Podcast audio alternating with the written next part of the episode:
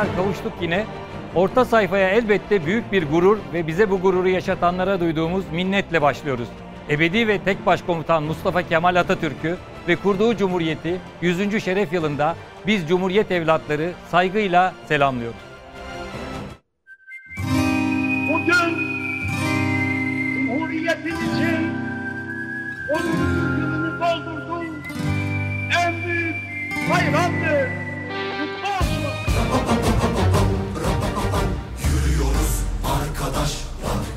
İçimde bir telaş var. Mutlu gün bizim zafer düğün bizim. Görüyoruz arkadaşlar darbeler savaşlar. Sırtımız yere gelmiyor bizim. Düşmanız esarete önderimle karşıyız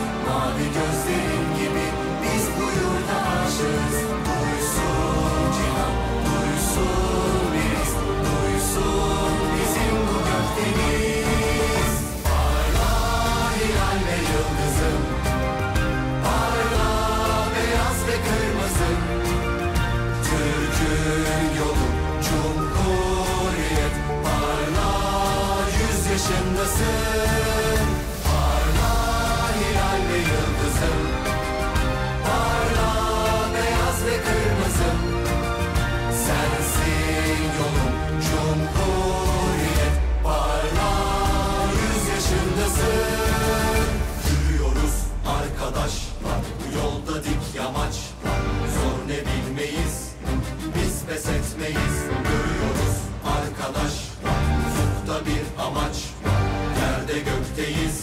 Ne şanlı milletiz. Düşmanız esarete Önderimle karşıyız. Mavi gözlerin gibi Biz bu yurda aşığız. Duysun cihan Duysun biz. Duysun bizim bu gökdeniz Evet heyecanlıyız, gururluyuz. Norm Ender Parla 100. yıl marşıyla başladık orta sayfaya. Ee, özgürüz, eşitiz Cumhuriyet sayesinde ama ne yazık ki Cumhuriyet'in bu paha biçilmez kazanımlarını, nimetlerini yaşayanlar arka bahçelerinde Cumhuriyet karşıtlığını büyütüyorlar. Ve siyasette Cumhuriyet'i kutlama tartışmaları var. Bir izleyelim sonra üzerine çok şey konuşacağız.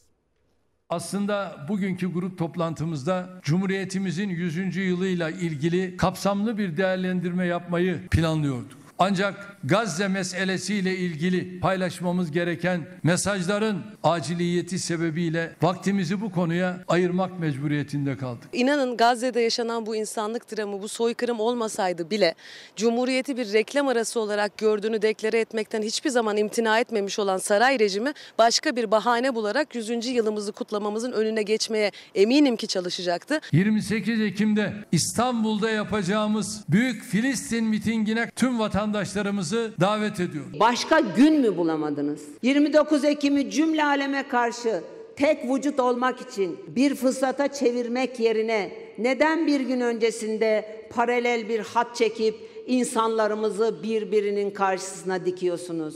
Ayıptır, günahtır, yazıklar olsun size be. Cumhuriyetimizin 100. yılıyla ilgili değerlendirmelerimizi de 29 Ekim günü yapılacak törenlerde milletimizle paylaşacağız. Bu iktidar bilinçli olarak 100. yılı coşkulu bir şekilde kutlamaya mani oldu. Bu programların iptalinin asla gerekçesi Filistin'deki kardeşlerimizin yaşadığı dram olamaz. Cumhurbaşkanlığı Külliyesi'ndeki 29 Ekim resepsiyonunun Filistin'deki olaylar gerekçesiyle iptal edildiği iddiası doğru değildir. Ya şöyle bir Türkiye'ye bakalım. Cumhuriyet'in 100. yılı havası var mı? 100. yılı kutlamalar bağlamında hem bilimsel, akademik, toplumu coşturan, sanatsal anlamda bu ülkede ne yapıldı? İktidar ne yaptı? 100. yıla yakışır bir anma, kutlama hazırlığını görmedik açıkçası. Evet. Tartışmalar böyle. Çok üzücü. Bunları izlemek ve 100. yılda etrafımızda hiçbir şey görmemek, özellikle iktidarın bu konudaki suskunluğunu, daha doğrusu suskunluğu mu desek yoksa bilinçli bir şekilde e, bu işlere girmemesini mi desek izlemek çok acı. Murat sende büyük bir haber var konuyla ilgili. Valla ne kadar büyük bir haber bilmiyorum sizin takdiriniz ama e, Sayın Cumhurbaşkanımız 29 Ekim'deki konuşmasında Cumhuriyetimizin 100. yılını kutlayacakmış.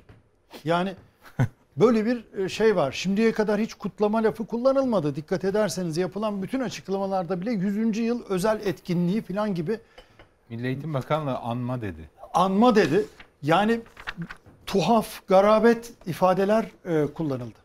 Ya bu kabul edilebilir bir şey değildir. O yüzden diyorum kutlayacakmış 29 Ekim günü bir kuru mesajla herhalde konuşmayla 100. yıl geçirilecek. Arkadaşlar ülkelerin ta kendilerini ciddiye alan ülkelerin tarihlerinde böyle 50 yıl, 100 yıl, 200 yıl çok önemli şey. Bütün yani bir sene önceden ne yapılacağı bellidir. Kutlanır. Bakın çok utanç verici bir şey söyleyeyim. Bu sorular bana geliyor. Herhalde e, diğer gazeteci arkadaşlarıma da geliyor. Yani Ankara'daki sadece batılı değil. Şimdi oraya da çekerler hemen. Doğulu batılı bütün büyükelçilikler. Ya artık gazetecilere soruyorlar. Ya bir davet yapılacak mı 100. yılınız nedeniyle? Çünkü hepsi Türkiye'yi ciddiye aldıkları için hazırlıklarını yapmışlar. Efendim çağırırlarsa hangi bakan gelecek? Hangi e, önemli devlet insanı gelecek filan diye. Yok. Yani e, gerçekten e, şeyin e, hani iletişim başkanlığının iptal edildiği iddiası e, diyor ya hani öyle Gazze nedeniyle değil diyor. Doğru çünkü hiç düzenlenmedi ki zaten. Öyle bir şey yok ki. Ama e, Cumhurbaşkanı üçüncü defa seçildiğinde e, Sayın Erdoğan 28 e, Mayıs'ta e, bir iki gün içinde dünyanın her ülkesinden liderler çağrıldı geldi. Büyük bir kutlama yapıldı. Cumhuriyet'in 100. yılındayız. Büyük Atatürk ne diyor?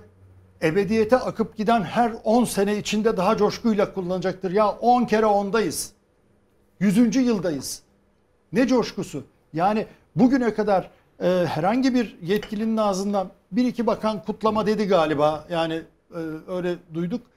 Anma, efendim özel etkinlik ne diyoruz ya Cumhuriyetimizin 100. yılı kutlu olsun. Arkadaş söyleyeceğimiz bu. Bunu bile söylemekten imtina, İmtina eden, ediyorlar. Çekinen bir durum var ortada. Maalesef. Bu kabul edilebilir bir şey değildir. Maalesef. Yani e, hani tekrar edeceğim. Ebediyete akıp giden her 10 senede diyor. İşte 10 çarpı 10 100. yılındayız. Sevinmemiz gerekirken bazılarının bir özür dilemediği kalıyor herhalde. Yani ya kusura bakmayın hala cumhuriyet yaşıyor filan. Ya bir bunu demediği kaldı bazılarının. Bu kabul edilebilir bir şey değildir arkadaşlar. Çiğdem şimdi sloganlara bakıyoruz. 100. yılda ne beklersin mesela sloganlar değil mi? Sloganlar şu. 100 yılın işini 20 yıla sığdırdık. Ee, efendim Türkiye'nin 100 yılı. AK Parti'nin sloganı bu tabii. Ondan sonra Üsküdar'da Recep Tayyip Erdoğan fotoğraf sergisi açılıyor. Ee, etkinlikleri söylüyorum. Asıl asıl üzücü olan ne biliyor musun? İngiliz donanmasıyla ülkeden kaçan, düşmanla işbirliği yapmış, işbirlikçi, Vahdettin'in adını taşıyan köşkten Türkiye Cumhuriyeti'nin silahlı kuvvetlerinin donanmasını Cumhurbaşkanı selamlayacak. Bu e, bunun tasarlanmamış olduğunu düşünemeyiz. Planlanmamış olduğunu düşünemeyiz. Çünkü e, sonuç olarak siyaset e, sembollerle de yürüyen bir şeydir politika.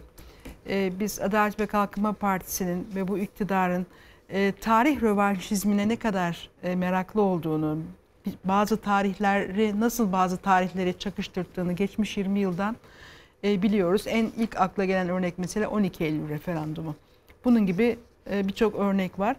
Ama şöyle bir şey söyleyeyim. Ben e, bu 100. yılın hakkıyla kutlanmayacağı zaten belliydi. Benim için çok fazla büyük bir sürpriz olmadı. İnsan tabii ki e, Türkiye Cumhuriyeti vatandaşı olarak bu gururu yaşamak istiyor. Böyle bir beklenti içinde doğuyor ama e, AKP'nin e, siciline bu anlamdaki siciline baktığımızda ben e, sorunları olduğunu düşünüyorum. Zihinsel olarak e, ideolojik problemleri olduğunu düşünüyorum. Mustafa Kemal Atatürk'le Türkiye Kuşkusuz. Cumhuriyeti'ni kuran kadrolarla e, ondan kaynaklanan bir e, durum var. Herhangi bir yıl gibi alelade laletten bir yıl gibi e, ve bu da şey değil yani hani bir onlar açısından da bir eksiklik değil. Son zamanlarda çok fazla tepki yükseldiği için e, bence bir açıklamalar yapmak durumunda kaldılar. Adet yerini bulsun diye açıklanan e, etkinliklerin birçoğu da zaten iktidar açısından ve iktidarın gücü açısından bakıldığında, mobilizasyon açısından bakıldığında çok hızlı zaten harekete geçirilebilecek, öyle çok bir orijinalliği, otantikliği, yaratıcılığı e, olmayan e, etkinlikler olduğu birçoğunun genellemeyeyim görülecektir. Ya bu dediği gibi burada bir şey var. Yani düpedüz hesaplanmış, kitaplanmış. Burada e, bütün hesapları yapılmış. E, bir rövanş psikolojisiyle hareket edilmiş. Yoksa sen gidiyorsun e, düşmanla işbirliği yapmış, ülkeden kaçmış, İngiliz donanmasıyla kaçmış bir işbirlikçi padişahın adını taşıyan bir köşkten donanma selamlıyorsun. Artı bütün Cumhurbaşkanlığının etkinliklerini yine o e, isimli e, Vahdettin isimli e, ismini ve Vahdettin'in ismini verdiği köşkte yapıyorsun. Yani Cumhuriyet'le hesaplaşıyorsun. Bu kadar basit. E, ve ortamını bulsan e, belki çok daha ileri gideceksin ama şu anda belki bulamıyorsun ama ileriye bir daha önümüzdeki dönemde daha ortamını bulduğunda daha farklı şeylere de gidecektir diye düşünüyorum. Evet. Şimdi galiba yalnız en kalabalık şey olacakmış. Ben hani askeri haber yapan sitelerde gördüm. En kalabalık donanma geçişi ol- olacakmış şimdiye kadar Yüz- galiba. yüz Değil gemi. mi? Yüz gemi geçişi olacakmış. Şimdi bir şey benim daha çok dikkatimi çeken biraz hani yani tamam Cumhuriyet'te yani benim daha çok gözlemim yani tamam Cumhuriyet'te var ama sonuçta yani nedir ki şeyi var tavrı var gibi geliyor bana iktidarda bir e, İstanbul'da otobüs duraklarına verilmiş bir reklam 3000 asırlık gelenek e, 3000 yıllık gelenek bir asırlık cumhuriyet yazmış. 3000 yıllık 3000 yıllık gelenek. Medeniyet 100 yıllık cumhuriyet. Ya da medeniyet. Ha, devlet. evet. Devlet. Devlet. ya da işte hani öyle bir şey. Yani biz aslında Türk ilk kurulan Türk devletine referansla. Cumhuriyet ne ki yani? Evet yani bu da böyle daha 100 yıllık biz daha eskilere dayanıyoruz falan gibi bir e, referansla. Yani bu da çok da bir şey değil diye biraz böyle bir küçümseme. Bir de özellikle son 20 yıla tabii çok şey var. E, İletişim Başkanlığı Taksim Meydanı'na bir şey kurdurmuş. Büyük bir çadır değil mi? Siz de gördünüz. Galiba Atatürk resmi. Fotoğraflarını da çektim. Ya Atatürk dışarı- resmi de var içerisinde. Hani aslında Dışarıda, dışarıda yok. Dışarıda yok. Dışarıda yok. Bugün İçeride Murat'la birlikte çektim. özellikle İçeride dikkat ettik. var, Hürkuş var. Hayır orada özellikle son 20 yıl vurgusu yapıyor. Yani tamam olabilir iletişim başkanlığı fakat şimdi benim şurada şey ilgimi çekti. Bu Ha, norm, işte burada bak. Yani Norm Atatürk'ün Şu an yok. fotoğraf ekranda. tamam son 20 yıl Ayrıca vurgusu yapmışlar. bu, biz bugün Murat'la buradaydık. Yani Evet. e, bu, Taksim'de biraz dolaştık baktık. Yok. İşte gördüğünüz bunlar var. Şimdi Enerjinin yüzyılı vesaire vesaire. şu dikkatimi çekti. Norm Ender'in hani çok paylaşıldı ya pek çok e, müzisyen 100. yıl marşı yaptı ama Norm Ender'in marşı en çok pay, paylaşılanlardan en çok onu görüyorum. Haksızlık olmasın ben çok anlamam e, müzik işlerinden Çiğdem Hanım'ın uzmanlığı ama Norm Ender en çok paylaşılan WhatsApp'tan da gelen insanlar hoşuna gitmiş. Şimdi orada diyor ki biz zor ne bilmeyiz biz pes etmeyiz diye. Şimdi bir o. Yalnız o kadar haklı. Çünkü yani son 15 senede maşallah başımıza gelmeyen kalmadı. Yani kendi getirdikleri liyakatli hak eden insanları kovup işte devlet kadrolarına dol- doldurdukları cemaatçiler darbe mi yapmaya kalkmadı? Ekonomi mi tepetaklak olmadı? Türkiye kaç kere savaşın eşiğinden mi dönmedi? Suriye savaşa dahil olmaya çalışıp göçmen krizi mi yaşamadı? Yani Norm Ender bunları düşünmemiştir yazarken ama böyledir ya bilinç bilinç altı süreçlerle yazarsın bu Birikmiştir bildikleri. Şimdi aslında, son evet. 20 yıl kardeş son 20 yılı bomba yani vurguladığın zaman e tamam ya teknolojik gelişmeler var. İyi tamam dünyada var ne yapalım yani haliyle değil mi tüm dünyada iletişim devrimi yaşanıyor. Herkes uzaya çıkıyor artık zaten falan. E tamam 20 yıl iyi ne yapalım herkes gelişti yani Moğolistan da gelişti şimdi Moğolistan'a da gitsen 20 yıl öncesi Moğolistan'a karşılaşsan değil başka bir yerde yani.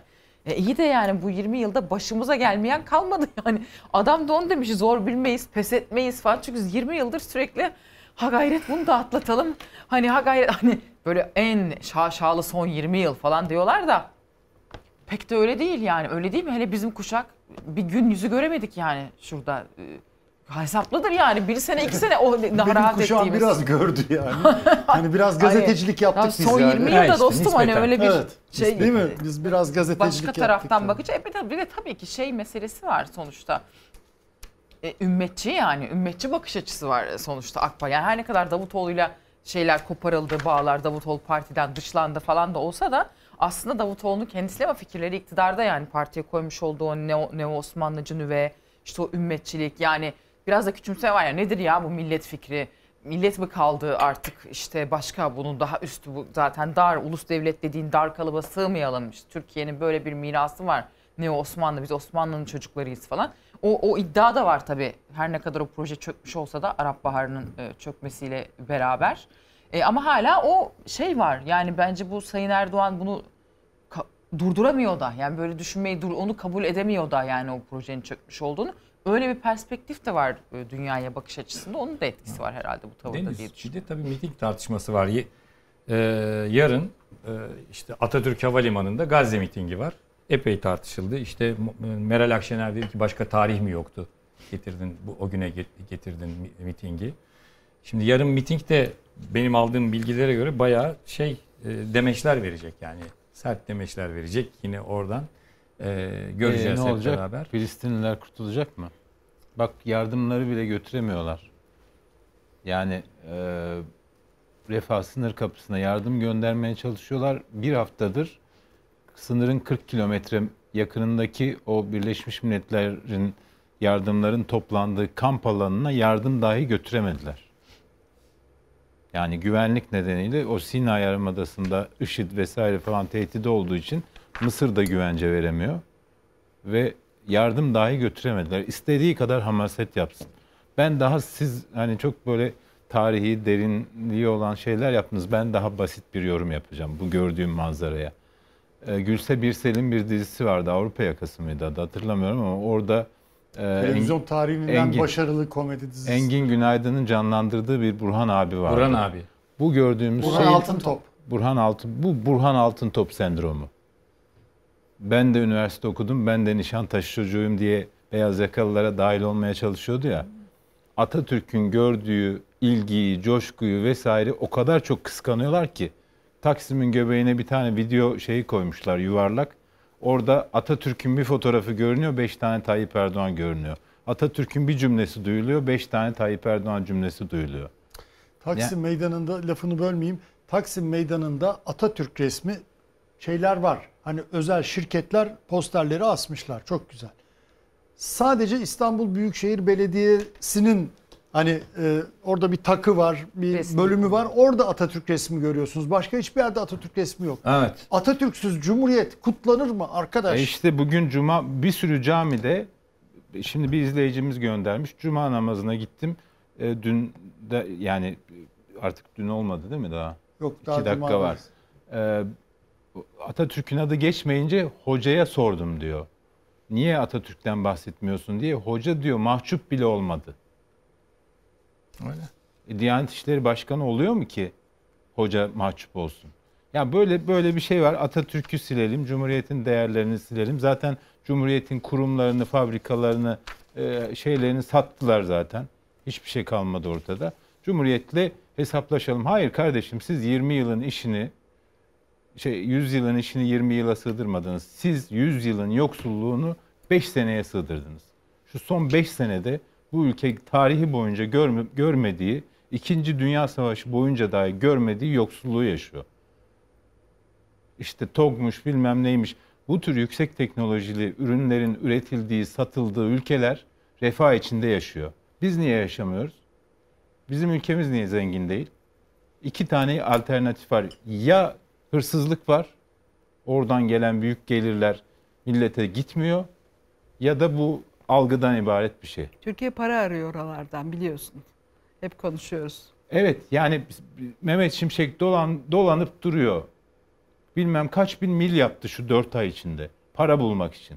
Yeni bir umumiye peşindeyiz. Kardeşim sen 100. 65 yılında. yaşında 65 yaş üstü halkını otobüse ücretsiz binmek için şoförle kavga eder hale gelmişsin ya 100. yılın sonunda. Ve bunu son 5-10 yılda becermişsin. Hadi 20 yılın ilk yarısı iyi geçti diyelim.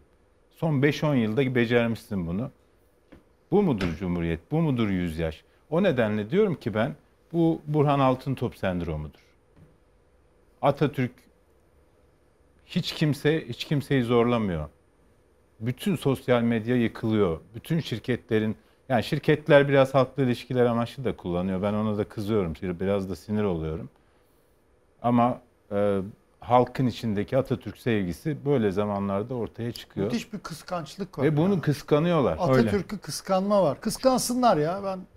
Deli Memnunum gibi yani, de- kıskanmalarından Deli gibi memnunum. kıskanıyorlar hem de. Sosyal medyadaki trollerin mesajlarına bakın.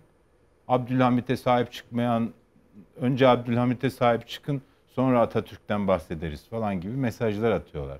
Bu mudur yani? Böyle mi kıyaslayacaksınız? Neyse çok söylenecek şey var da. Söyleyelim ya. Söyle söyle. söylüyoruz. Vaktimiz bol. Öyle mi? Söyle. Yani şunu demek istiyorum. Cumhuriyetin en kötü tarafı ne biliyor musunuz? Demokrasinin de en kötü tarafı. Kendi karşıtlarını büyütecek imkanları da sunuyor. Ya bir şey söyleyeyim Elbette. mi? Benim aklım neyi almıyor arkadaşlar? Şimdi bu şeyler var ya hani bir zamanlar bu bir fesli meczup vardı. Ee, ondan sonra Kadir. Kadir, Mısırlı. Mısıroğlu. Mısıroğlu. Ondan sonra onun meşhur bir e, tiradı vardı böyle biliyorsunuz. İstiklal Savaşı'nı keşke Yunanlılar kazansaydı da hilafet şeriat kalsaydı diye. Arkadaş hilafet kalsaydı İstanbul'un Kasımpaşa'sından bir işçi çocuğu ülkeyi yönetebilir miydi Recep Tayyip Erdoğan? Bunu hayal edebilir miydi? Hilafet kalsaydı, saltanat kalsaydı. Hayır. Yani Recep Tayyip Erdoğan Cumhurbaşkanımız Cumhuriyete borçludur. 20 yıldır seçimle ülkeyi yönetiyor olmasını. Bu mu vefa? Şöyle bir savunmaları Vefa bu var. mudur yani? Şöyle bir savunmaları var. İşte siz gardırop Atatürkçülüğü yapıyorsunuz, bilmem ne cumhuriyetçiliği yapıyorsunuz. Cumhuriyetçi olmak demek cumhuriyetin altını doldurmaktır. İşte yüksek teknolojiyi getirmektir vesaire. Ya bu şeyden de kurtulamıyorlar bir türlü. Buzdolabını biz getirdik. İşte bilmem neyi biz getirdik. Ya görüntülere bakıyorsun Amerikalılardan aldığın F-16'larla şey yapıyorsun. E, İHA, SİHA vesaire. Ya Nevşin söyledi dünya artık bu teknoloji zibil gibi yani. E bunun da gerisinde kalırsan yazıklar olsun sana. Ya bir de Taksim Meydanı'nda işte Atatürk portresini göremediğimiz, resimlerini göremediğimiz çadırda enerjinin yüzyılı di- diyor. Ya enerjinin hangi yüzyılı? Ne yaptın? Petrol mü buldun? Ne yaptın? Doğalgaz ya. doğalgazın mı var? Ne yaptın? Niye yani gabar- gabar şu anda Türkiye'nin en büyük cari açığı enerjiye gidiyor ya. En büyük cari açığın nedeni enerjiye harcanan para. Sen son 20 yılda ne yaptın? Gabar'da petrol bulduk. Hangi petrol? Biz niye göremiyoruz? Doğalgaz vardı seçimden önce. Nerede? Hava gazı. Neyse netice itibariyle ben ben bu konunun altını çok kalın çizgilerle çiziyorum. Kardeşim madem bu kadar ciddi teknolojimiz var, bu kadar ciddi savunma sanayi ürünlerimiz var, bu kadar ciddi otomotiv sanayi ürünlerimiz var. Biz niye refah içinde yaşamıyoruz? Bu soruma yanıt versinler ya. Niye refah içinde yaşamıyoruz? Sabredeceğiz. Ne Hep zamana sabredeceğiz. kadar sabredeceğiz? Sürekli sabredeceğiz. Biz sürekli sabredeceğiz. Bu kardeşimize oyumuzu verdiğimiz zaman faiz düşecek, enflasyon düşecek, kur az düşecek, hepsi olacak. Abi bir o gün gelmiyor ya. Kaç 2000 seçim geçti. 2018'den çok O daha kötü bir gelmiyor. noktadayız. Bir de her çok zaman daha kötü bir sanki başka hiçbir ülkeye bunlar olmuyormuş gibi efendim Covid gelmiş. Ya Covid herkese geldi. Yani sadece Türkiye'ye gelmedi ki Covid ya. Tamam bir deprem felaketi yaşadık. Bu gerçek bir felaket. Yani bu bir şey ama savaşlar herkes için var. Sadece Türkiye için yok ki. Yani Öyle. E, Deniz e, bu büyükelçiliklerde kutlamama olayı var tabii. İşin acı taraflarından biri de o. Bir başka manzarası. Senin bununla ilgili bilgilerin var. Onunla bir paylaş. Bu işten devam edelim. Bu Ya başlık- şimdi şöyle bir haber çıktı. Ee, Doha'daki büyükelçi 20 29 Ekim resepsiyonunu iptal etmiş. Ee, ama bir düğüne gitmiş. Ee, bu haber üzerine büyükelçiyle görüştüm ben.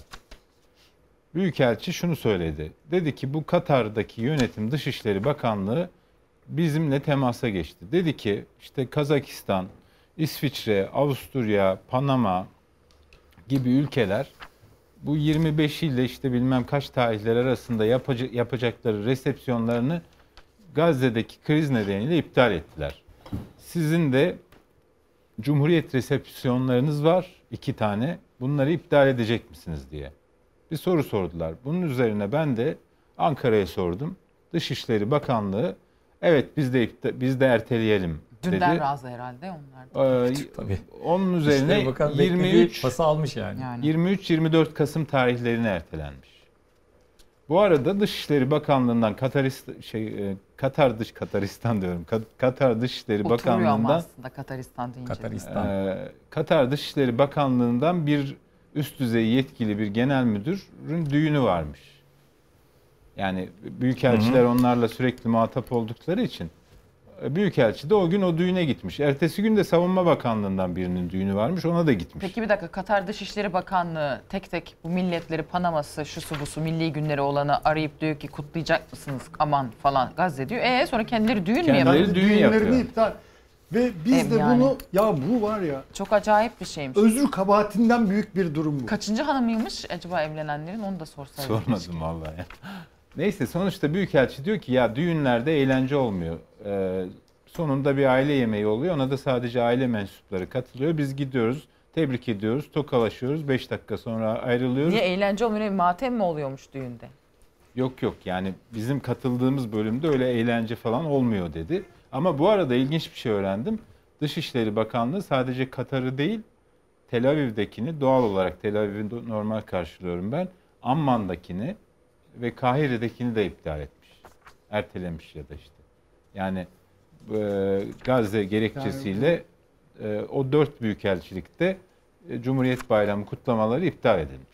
Hiç yakışık Ya almamış bence. Çünkü bu Cumhuriyet'in 100. yılı herhangi bir yıl değil ki. Yani evet sanki dansöz mü değil ki. oynattırıyorsunuz resepsiyonda? Ya Yani. dansöz de oynatılsa bu ya. bizim 100. yılımız arkadaşlar. Her devlet, her millet herkes önce bir kendi vatanından sorumlu. Yani ne oluyor canım yani?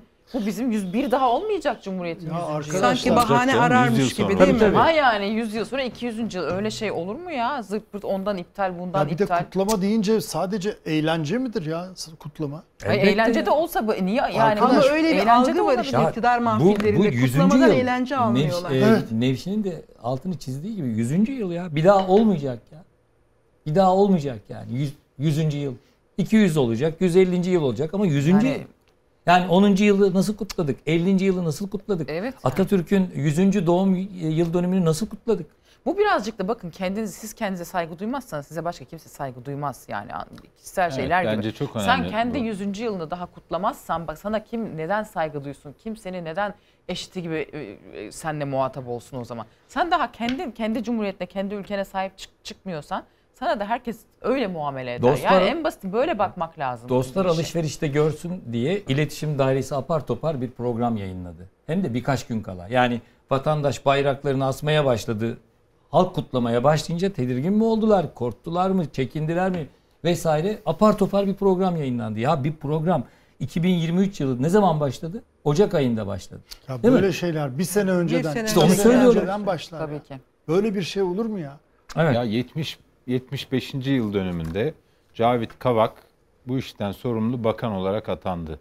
Bir yıl boyunca 80-90 milyon dolar para ayrıldı. Bir sürü faaliyet yapıldı. Başka ülkelerde Türkiye'nin tanıtımına dair bir sürü proje yapıldı. Türkiye'de bir sürü etkinlik yapıldı. Yarışmalar düzenlendi. Yarışmalar ulusal düzenlendi. yarışmalar Büyük, düzenlendi. büyükelçiler, Evet. e, yabancı liderler, işte bakanlar vesaire Türkiye'de getirildiler, misafir edildiler. Zamana yayılmış bir program sunuldu. Okullarda hala 75. yıl tabelaları var. Var.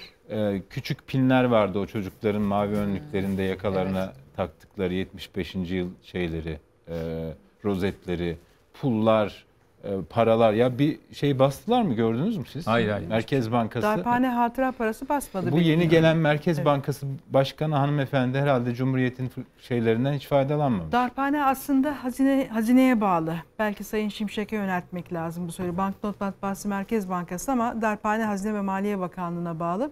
Öyle bir e, Ee, şey var. Sayın Şimşek nereye bakacak? Yukarıya bakacak. Yani bir Cumhuriyet'in 100. yılı parası falan basılmaz mı ya?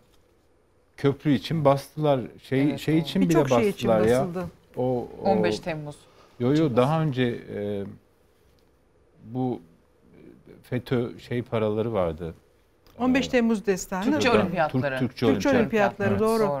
Türkçe Maalesef olimpiyatlarına bile bastılar. Evet. 100. yıla bir bir a- üstünde Atatürk'ün resmi olan bir anı parası dahi basmadılar. Evet. Bir Posta pulu basıldı mı emin değilim. Ben de emin değilim. Kontrol etmem lazım. Şimdi tabii iktidar hani bu artık belki de çok fazla konuşmaya da gerek yok. Çünkü zihniyet bu. Niyet yok. Bu bir hesaplaşma, bu bir rövanş. Şu anda ufak ufak yokluyorlar. Gelecekte ortam bulurlarsa daha ileri gidecekler. Bunu her- herkes görebiliyor. Buradan hepimiz görebiliyoruz. Bu mesafeden de görebiliyoruz. Dolayısıyla o e, imamlar aracılığıyla dile getiriyorlar. Kadınlara verilen hakları tartışmaya açıyorlar. Aynen öyle. Ondan sonra medeni kanunu tartışmaya İşte açıyorlar. anayasa değişikliği gelecek. Göreceğiz işte. İkinci Cumhuriyet Anayasası gibi bir takım söylemler var. Anayasanın tartışılmaz ilk maddeleri şu anda nasıl olacak? maddeleri. Değiştirilemeyecek maddeler E, var. muhalefetin tavrını Yani- nasıl buluyorsunuz? Muhalefetin Evet tavrı mı? gelelim oraya. Cumhuriyet Halk Muhalefetin Partisi. tavrı dedi ya. Muhalefet.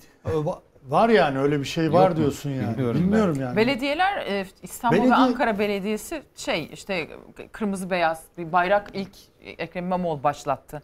Her yer bayraklarla donatılsın diye şimdi az önce şeyde Mansur gördüm. Yavaş da Ankara'da hani da var, evet. Sonradan olsa da Toplu taşıma gayet iyi araçları şey falan yapıyor. şey evet. yapıldı. Bir şeyler yapıldı. Konserler konser var Maltepe'de İstanbul'da. Ankara'da da var herhalde. Ankara'da var mı bilmiyorum.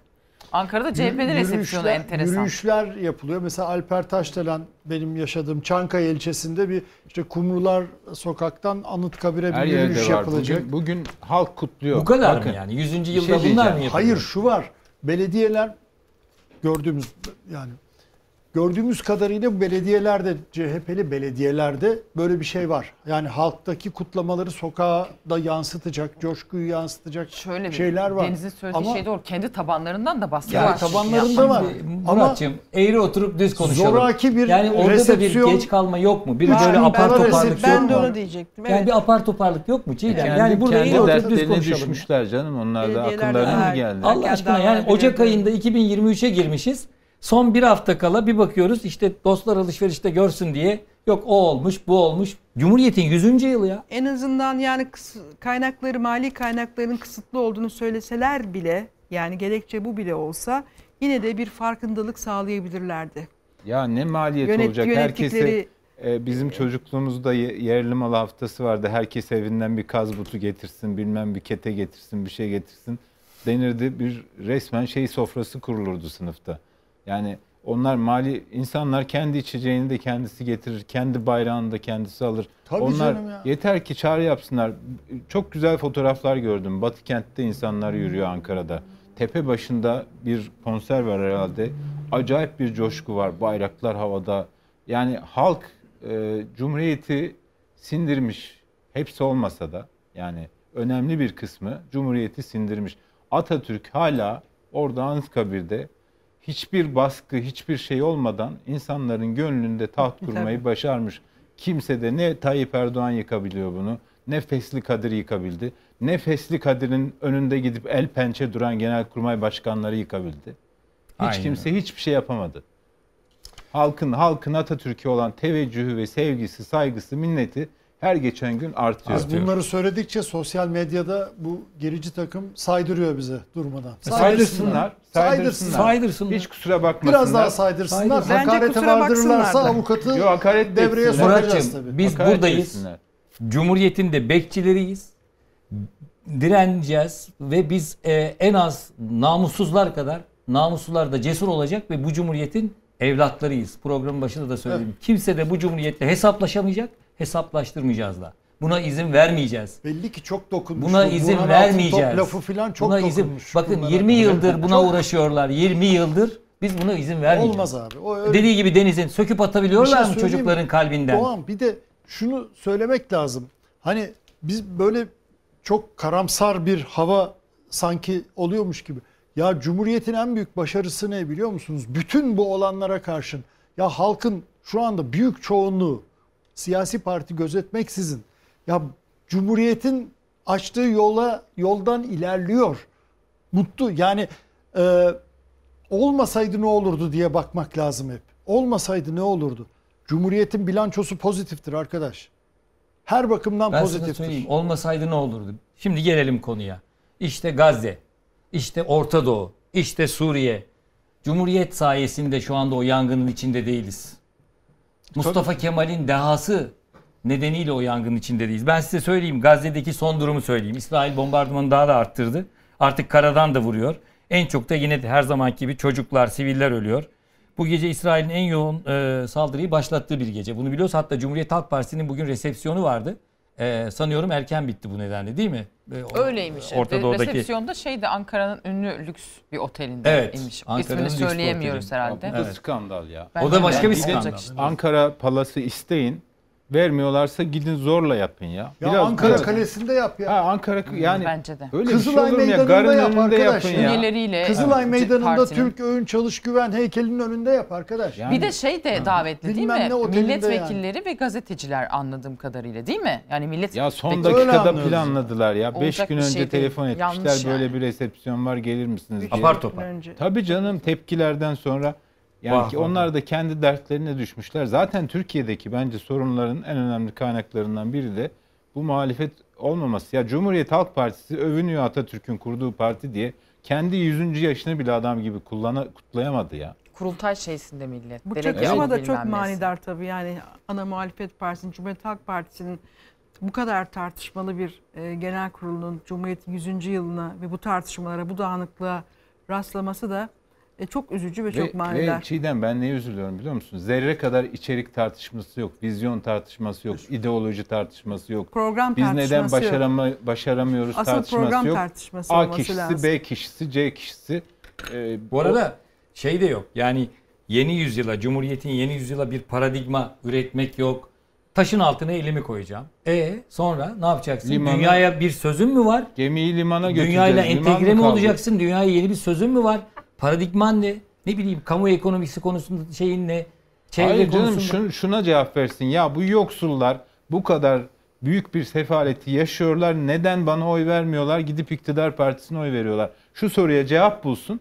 Bir dahaki seçimde iktidar olur ya. Yani bu kadar basit yani ülkede e, yaşam tarzını korumaya çalışan bir, bir kesim orta sınıf e, vesaire falan bu partilere oy veriyor. Yani yoksullar, çalışanlar, hakları sürekli gasp edilen insanlar iktidara oy veriyor. Çünkü yoksulların haklarını gerçekten samimiyetle ve içtenlikle e, kökleri oradan gelerek savunabilecek e, donanımdaki olan birçok insan aday gösterilmedi. Vekil olmadı. Tabii. Elit siyaseti Sebeplerden yapıldı. birisi budur. Elit evet. Ya siyaset. zaten emekliler 7500 liraya geçinemiyorlar işte. Geçinemiyorlar. Ücretsiz otobüs için şoförlerle yaka paça kavga ediyorlar. Sen bu emeklinin oyunu neden alamıyorsun? Çünkü güven veremiyorsun. Güven veremiyorsun. Yani evet. Tayyip Erdoğan 1000 lira diyor, bu, bunlar 15 bin diyor. Tayyip Erdoğan'a inanıyor, 1000 lirasına inanıyor, 15 bin diyenin peşinden Ya gitmiyor. bir de, bu, bir de ne biliyor musun? İşte çok yani iki, ikinci defadır tekrarlıyorsun bu örneği. Yani e, hak vererek söylüyorum yani. Ya oradaki emekli ya da engelli vatandaşla şoförü karşı karşıya getiriyor bu sistem ya. Böyle bir rezalet olabilir mi? Yani e, durmadan diyor ki şunlara şunlara şunlara şunlara ücretsiz taşıyacaksın. Durmadan yak, akaryakıt fiyatı artıyor. Şunları şunları ücretsiz taşıyacaksın diyor. Peki kim veriyor onun parasını? Aradaki farkı kim verecek? Yani e, kendi vatandaşına kendi sağlayamadığı refahı tamam mı? Oradaki esnaftan çıkarmaya çalışıyor. Hadi bakalım esnafla vatandaş karşı karşıya geliyor. Hakikaten çürümüş asgari vaziyette ücret ya. pazarlıklarında da patronla işçiyi karşı A- karşıya Aynen getiriyor. evet. Evet. Evet. Yani 100. yıla bitirdiğimizde Cumhuriyet'in Türkiye'nin e, iktidar cephesinden de muhalefet cephesinden de gerçekleri maalesef e, bu. Yani geldiğimiz nokta bu. Son 20 yıl diyoruz iktidarda ama hani muhalefetin de son 20 yılı bu. Bakıyorsunuz. E, Müzmin muhalefet. Efendim? Müzmin muhalefet. Evet. Yani e, acı olan bu. Şimdi e, yavaş yavaş şeye gelelim. E, bu İsrail-Gazze meselesine gelelim. Az önce de söyledim ya siviller ölüyor, çocuklar ölüyor. E, ciddi bir e, şey var e, bölgede. E, fakat e, bu katliamın ötesinde tabii yarın Gazze mitingi yapılacak Atatürk Havalimanı'nda. Gazze mitingi öncesinde de Cumhurbaşkanı Erdoğan Hamas terör örgütü değildir dedi. E, Mücahit. bir- efendim mücahit dedi. Bir izleyelim e, o bandımızı üstüne konuşacağız. Gazze'yi koruma ve kollama misyonu Türk milletinin üzerindedir. 24 saat içinde ateşkes sağlanamazsa, saldırılar durmazsa, mazlumların üzerine bombalar bırakılmaya ısrarla devam ederse Türkiye süratle devreye girmeli. Tarihi, insani ve inanç sorumluluğunun gereği her neyse yapılmalıdır. 24 saat dolmuştur. Türkiye Cumhuriyeti garantörlük mekanizmasını kurmak adına her türlü müdahale ve mücadeleye hazır ve kararlı olmalıdır. Bizde geri adım yoktur. 24 saati Amerika'nın saatiyle özleştirip neredeydi 24 saat diye soran Amerikan uşakları. Biden saat kaçta? Dinlenme ofisine gitti. Mehmetçik Gazze'ye diye slogan atan şuursuz bir zihniyetin dolduruşuna gelenler var. Başka anaların doğurduğu çocukların sırtından çağrılar yapıp kabadayı pozları vererek milliyetçi olunmaz. Gazze'ye gitmek gerekirse de hiç kimse meraklanmasın. Şafak sökmeden olmasını da gayet iyi biliriz.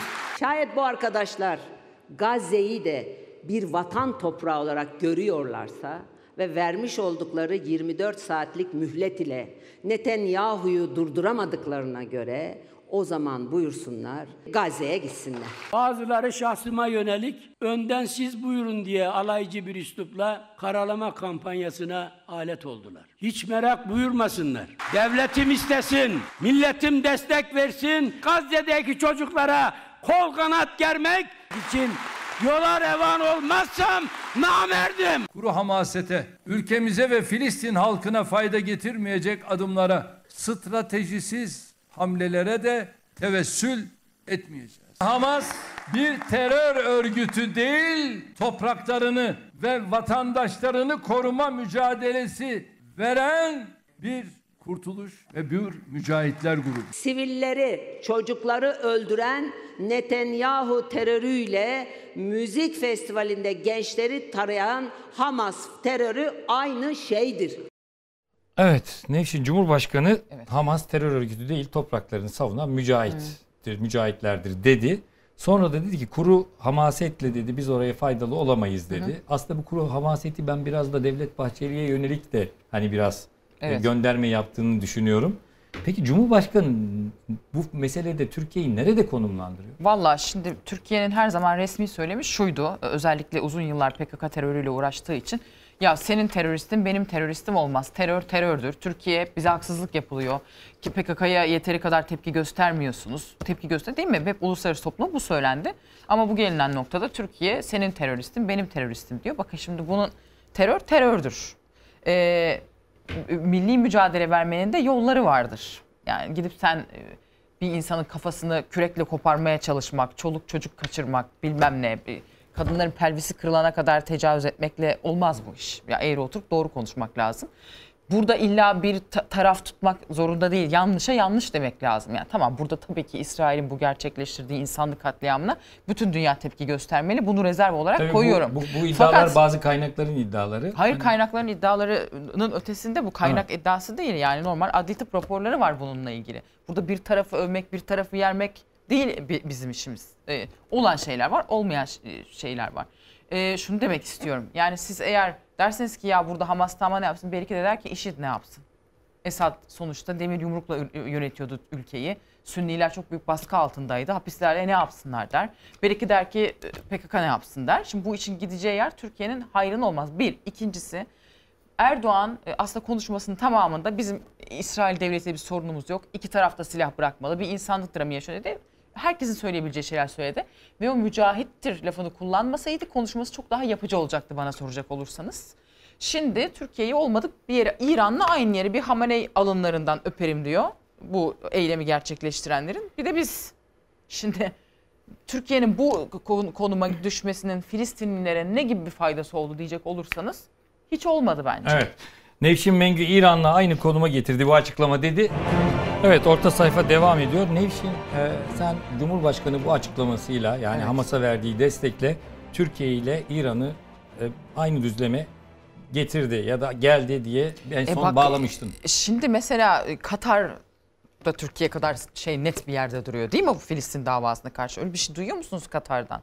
E ve şeyi rehine ara buluculuğunu Katar gerçekleştiriyor. Bir de bu Hamas konusuna bakın yani biz Türk halkı olarak her şeyi unuttuğumuz için her savaşta Gaz Hamas'ı yeniden keşfediyor. 2008, 2011, 2010 aa öyle miymiş diye her sabah yeniden doğmuş gibi. Bu 2006'da seçim oldu. Hamas iktidara geldi. Bir daha seçim falan olmadı. Gazze bölgesi. Gazze bölgesinde. 2007 yılında e, Hamas 500 tane Filistin Kurtuluş Örgütü mensubunu vurup öldürdü arkadaşlar. öldürdü yani. Ben 2008 savaşını e, Gazze'den takip ettim. Röportaj yapmaya çalışıyordum insanlarla. İnsanlar Filistinler konuşmak istemiyorlardı Gazze. Ya bir şey söylersek bu akşam Hamas gelir rahatsız eder bizi. Silahlı ateş vurur diye. Şimdi bunu unutmamak lazım. Yani Filistin davası, Filistin halkının haklı davası yine ki bu gece çok ağır e, bombardımana Bombardıman. tutuluyor Gazze. Evet. Şimdi oradaki insanların hakkını savunmak başka. Bakın kendi iç savaşında 500 tane karşıt görüş Filistin Kurtuluş Örgütü'nden insanı vurmuş, öldürmüş. E, ne olduğu ortada olan ve bu yaptığı, gerçekleştirdiği terör eyleminin de buyurun Gazze'ye ne faydası oldu Filistin davasına, Filistin mücadelesine?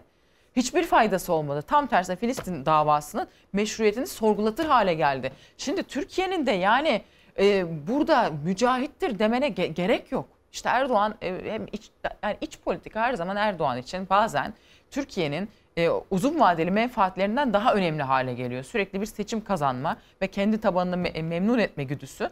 Yani bir devlet adamlığı başka bir şey bazen siyasetçilik başka bir şey. Türkiye'de o aradaki çizgi kalmadı maalesef. Dış politika araçsallaşıyor değil mi? Uzun vadede de bakın diyorum Filistin halkında bir işine yaramayacak. Yani en son bakın e, hem Filistinliler teşekkür ediyorlar Katar'a hem de İsrail Ulusal Güvenlik Konseyi Başkanı Hanegbi var. Şöyle söyledi ya Katar için düşünebiliyor musunuz? Katar bu rehineli meselesinde en yapıcı rolü oynayan ülkelerden bir tanesi oldu dedi. Düşünün. Yani en az en az bizim kadar net bir yerde duruyor Katar. Yani demek ki terörle arana çizgi çekip yine de haklı bir pozisyonda durabilirsin. Hı hı. Murat peki Cumhurbaşkanı bu kadar destek verdi Hamas'a. Ee, peki Hamas bu esir takası konusunda niye Türkiye'ye teşekkür etmedi de başka ülkelere etti? Demek ki öyle bir imkan yok. Yani öyle bir şey olmadı demek ki. Yani Nevşin'in söylediğine ek yapayım. Ya Katar şu anda Hamas'ın e, merkezi. Katar'dalar. Yani bütün Evet. siyasi liderleri Katar'dalar. Ona rağmen oluyor. Amerika Birleşik Devletleri açıklama yapıyor. Diyor ki Katar'la görüştük. Ülkelerindeki Hamasçıları durumunu yeniden bir gözden geçirme geçirebileceklerini söylediler filan. Anlatabiliyor muyum? Orta Doğu'daki şu anda en büyük Amerikan hava üssü Katar'da ya. Ya buna rağmen böyle şeyler oluyor. Şimdi e, ben diyelim e, hani e, örnek vereyim siz Nevşin'le kavga ettiniz. Tamam mı? Ben de sizi barıştırmak istiyorum. Diyorum ki hadi ba- barıştıralım bunu. Ama mesela Nevşin'le konuşmuyorum aynı zamanda. Durmadan Nevşin'e de bağırıp çağırıyorum. Sonra diyorum ki ben sizi barıştırayım. E, Nevşin bana güvenecek mi? Yani anlatabiliyor muyum? Yani arabulucu denilen kişi adı üstünde iki tarafta diyecek ki ya ben seni güvenilir buluyorum. Sözüne güvenilir buluyorum. Sen benimle irtibat içindesin. Bunu diyecek. Yani arabuluculuğun şeyi budur. Ee, Mantığı. yapılabilir olması budur. Ee, senin soruna cevap da burada aslında. Senin soruna cevap da burada. Şimdi Hamas meselesine gelince bakın e, Filistin halkının davasını, Filistin halkının hakkı, hakkını, hukukunu savunmak bizim de görevimizdir. Benim de görevimdir. Ya biz bütün gençlik e, çağımız boyunca biz Filistin halkının hakkını savununca bize ne komünist denmediği kaldı ne bil- bilmem ne denmediği kaldı arkadaş. Çünkü o zaman Filistin Kurtuluş Örgütü şeriatçı değildi. O zaman Filistin Kurtuluş Örgütü radikal İslamcı değildi. Laik bir örgüt. Zaten hani Hamas'ın ortaya çıkış sürecine baktığımızda yani hem Müslüman kardeşlerin bir uzantısı ama Uzantısı. o zaman Filistin Kurtuluş Örgütü'nü zayıflatmak için İsrail'inden bilmem kimine kadar herkes bunlara destek verdi. Önlerini açtı. Şunu söylemem lazım. Şunu söylemem lazım. Filistin halkının e, haklarını savunmak e, ayrı bir şeydir. Filistin için miting yapılabilir, yapılmalıdır. Meral Akşener'in dediği doğrudur. Başka gün mü yoktu? Aynen öyle. Başka gün mü yoktu? Ama arkadaş Başka yer mi yoktu? başka yer Biz de mi yoktu? yapalım. Atatürk Havalimanı. Atatürk Havalimanı'ndan başka yer mi bulamadınız? Türkiye Hamas'a kefil olamaz, olmamalıdır. Bu nedir ya? Bir Evet. koskoca Türkiye Cumhuriyeti bir örgüte mi kefil olacak? Bunun içinde buna karşı çıktığımız zaman vay efendim sen İsrail'in adamısın, sen Amerika'nın adamısın, sen bilmem neyin uşağısın. Bu nedir ya? Bu nasıl bir sığlıktır? Böyle bir şey olur mu? Filistin halkının haklı davasının sonuna kadar arkasındayım. Türkiye'nin kefil olmasını da İsrail'in sivil e, gözetmeden e, katliam yapmasının da karşısındayım. Hamas'a kefil olunmasının da sonuna kadar karşısındayım. Evet. Şimdi gözlerimiz dışarıda İsrail Gazze'ye çevrilmişken İsrail ve Gazze'ye içeride de Aydın Efeler'e çevrildi. Efeler'de KYK Güzelhisar Kız Öğrenci Yurdu'nda meydana gelen cinayet gibi asansör faciası gündemde şu anda. Ee, 19 yaşındaki Zeren Ertaş Çiğdem. Ailesi bunu devlete emanet etti bu öğrenciyi, bu yavrucağı. Fakat asansör içindeki öğrencilerle beraber düştü. Ee, Zeren hayatını kaybetti. Faciada göz göre göre geldi. Bandımızı izleyelim, senle devam edelim.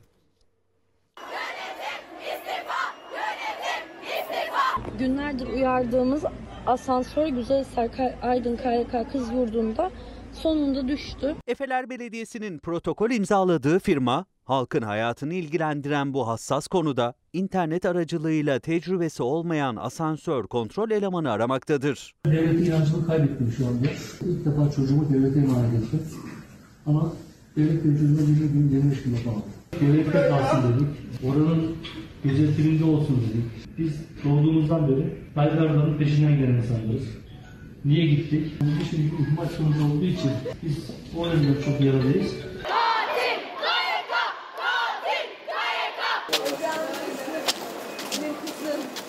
Asansör Allah cezanı sorumluluklarını alsınlar.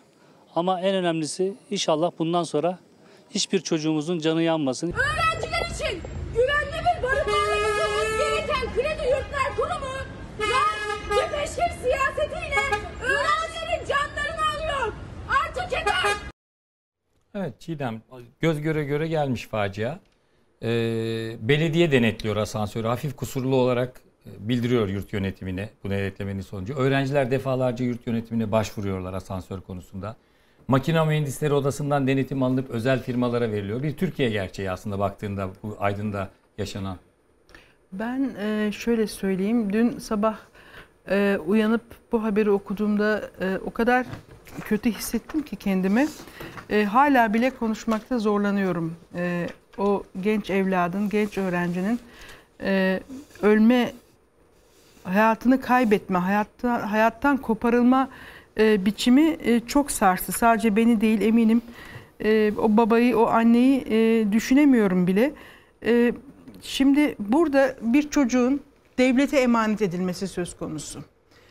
Kredi Yurtlar Kurumu Genel Müdürlüğü, Gençlik Spor Bakanlığı, Gençlik Spor İl Müdürlüğü, Efeler Belediyesi. Yani devlet dediğiniz mekanizma bakanlığıyla, genel müdürlüğüyle, belediyesiyle, yerel yönetimiyle bir bütündür. Ee, babası yir- 25 gün bakamadınız benim e, evladıma diyor. 25 gün koruyamadınız diyor. Bu ne kadar acı bir şey, ne kadar ağır bir şey. Ağır. Ama bir yandan baktığımızda da bu senelerdir yüzleştiğimiz içinde devlet mekanizmasının kusuru kusurlu olduğu, ihmalin bulunduğu sayısız örnekten maalesef birisi. İşte Çorlu tren faciası, katliamı da diyebiliriz buna. E, Aladağ Kız Öğrenci Yurdu, e, istismara uğrayan tarikat yurtlarındaki çocuklar. Yani bütün mesela o, o yurtlar devlet kurumu değil ama devletin burada denetleyici pozisyonu var. Denet, denetleme sorumluluğu var. Bunun vakti zamanında bu asansör işinin e, denetiminin ve bakımının makine mühendisleri odasından alınması ayrı bir sorun.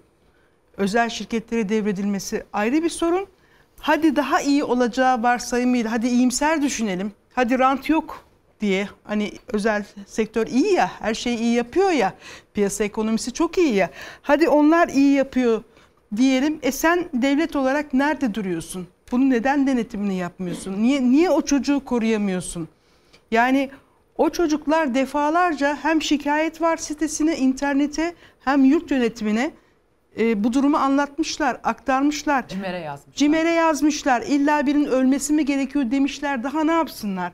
Ve e, ülkenin dört bir yanında yayılan e, ve çıkan seslere, çocukların, gençlerin seslerine baktığımızda bu sorunun yaygın bir sorun olduğunu anlıyoruz, görüyoruz. Ama bu tabii asansör sorunlardan sadece bir tanesi.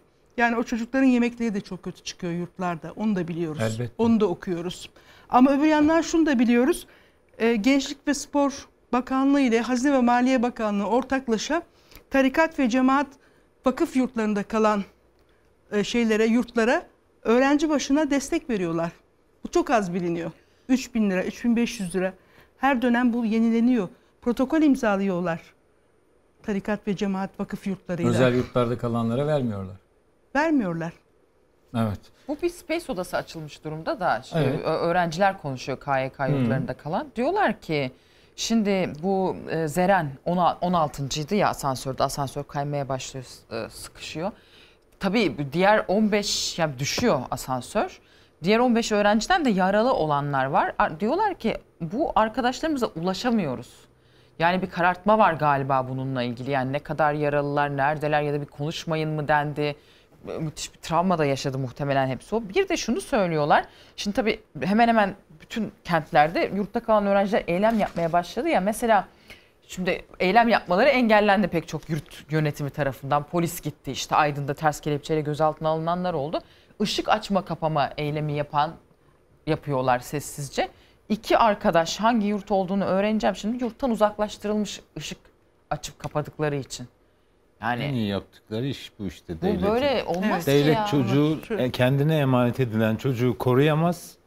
Ama o çocuğu bir potansiyel tehlike olarak görür. O çocuk azıcık sesini İter, yükselttiğinde dışarı, dışarıya atar. üstüne 20 tane Aynen, e, aynen. polis salar yere yatırır ters ki devlet, devlet bu kadar aciz işte. Veya Yani bunlar korkmuş hani de- öğrenciler. güçlü- Korkmuş insanlar. Ya- Baksana yani. Ya bir Gözlerinin kere önünde arkadaşları korkunç bir şey. feci bir şekilde vefat etmiş, kaybetmişler arkadaşlarını. Ya tabii ki tepki gösterecekler. Evet, Yani evet. onları Bir- sertlikle bastırmak nedir? Sen devlet sen serin kanlılıkla onları dinleyeceksin. Evet. Onlara kulak vereceksin. Yani burada burada belki Murat Bey daha iyi bilir. Ee, Yani bu işin mühendisliğini okuyan herkes asansörlerin güvenlik e, tertibatlarını bilir. En az 3 tane güvenlik şeyi vardır. Bir halat vardır, kapısı vardır. Öyle söylüyorlar Ee, evet. Aşağıdan bir e, koruma sistemi vardır. Yani bir asansörün öyle kayması, 16. kişiyle kayması falan imkansızdır. Öter, hareket etmez. Durur ya. Durur. Normal Kendi fren- kendini, evet, Normal güvenceye alır. mekanizm. Bakın asansör halatları güvenlik kat sayısının en çok uygulandığı yerlerden biridir. Asansör halatları yani güvenlik kat sayısı şudur. Mesela Murat makine mühendisliği eğitimi aldığın için burada izleyicilerimiz de aydınlat iyi olur. E, Estağfurullah öyle bir şey değil ama yani hani derslerini okuduğumuz şeyi Ama önemli söylüyorum. yani, senden duymaları. Şurada şu şeyin ne bileyim tükenmez kalemin ucunun da bir güvenlik katsayısı vardır. Ee, işte otomobilin lastiğinin de bir güvenlik katsayısı vardır. Özellikle de çok ağır yük asansörlerinde 18'e kadar çıkar e, şeyi. Güvenlik yani diyelim taşıyabileceği ağırlığın o kadar fazlası. Limit.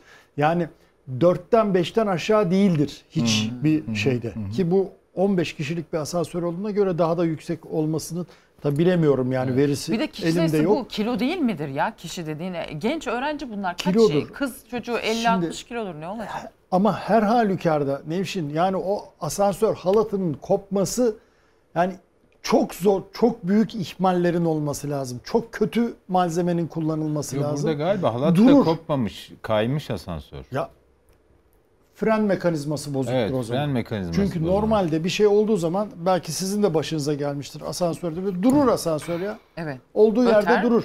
Çünkü ona göre dizayn edilir. Olduğu yerde durur gelir birisi işte şey yapar açar filan. Yani Artı mesela güvenlik amaçlı mesela kırmızı, mavi, yeşil e, belgeler verilirken maviden yeşile geçiş için ara kapı şartı konulur.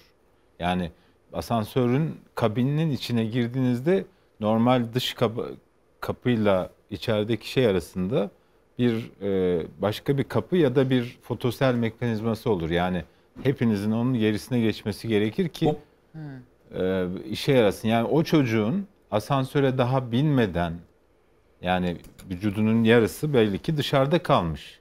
Yarısı içeride kalmış. Arada sıkışmış. E, Maalesef. ve bu, bu, bu durumda bir asansörün hareket etmesi imkansız. Vali o nedenle valinin açıklaması bir kere skandal. Yani Bir o- kişi fazla de- dedi. bu evet 15 kişilik asansöre 16 kişi binmişler bu yüzden oldu gibi bir ima skandal. Artı aynı valinin o acılı öğrencileri yere yatırtıp ters kelepçe taktırması, o polislere öyle bir talimat vermesi ondan daha büyük bir skandal. Yazıklar olsun kendisine. Gönüllerine bakın Çanakkale'dekiler Ben de onu diyecektim. Çanakkale'de Çanakkale'deki de- polis müdürü. Evet. Evet. Çocukları Olumlu yol- örneği yolu gördüm. Çok durdurdu. Çocuklar protestolarını yaptılar. Hiçbir sorun yaşanmadı. Çevik kuv- kuvvet otobüslerine binip yurtlarına geri döndüler. Hem çocuklarına sahip çıkamayacaksın. Bir çocuk sana emanet edilmiş. Orada devletin adına en büyük temsilci sensin.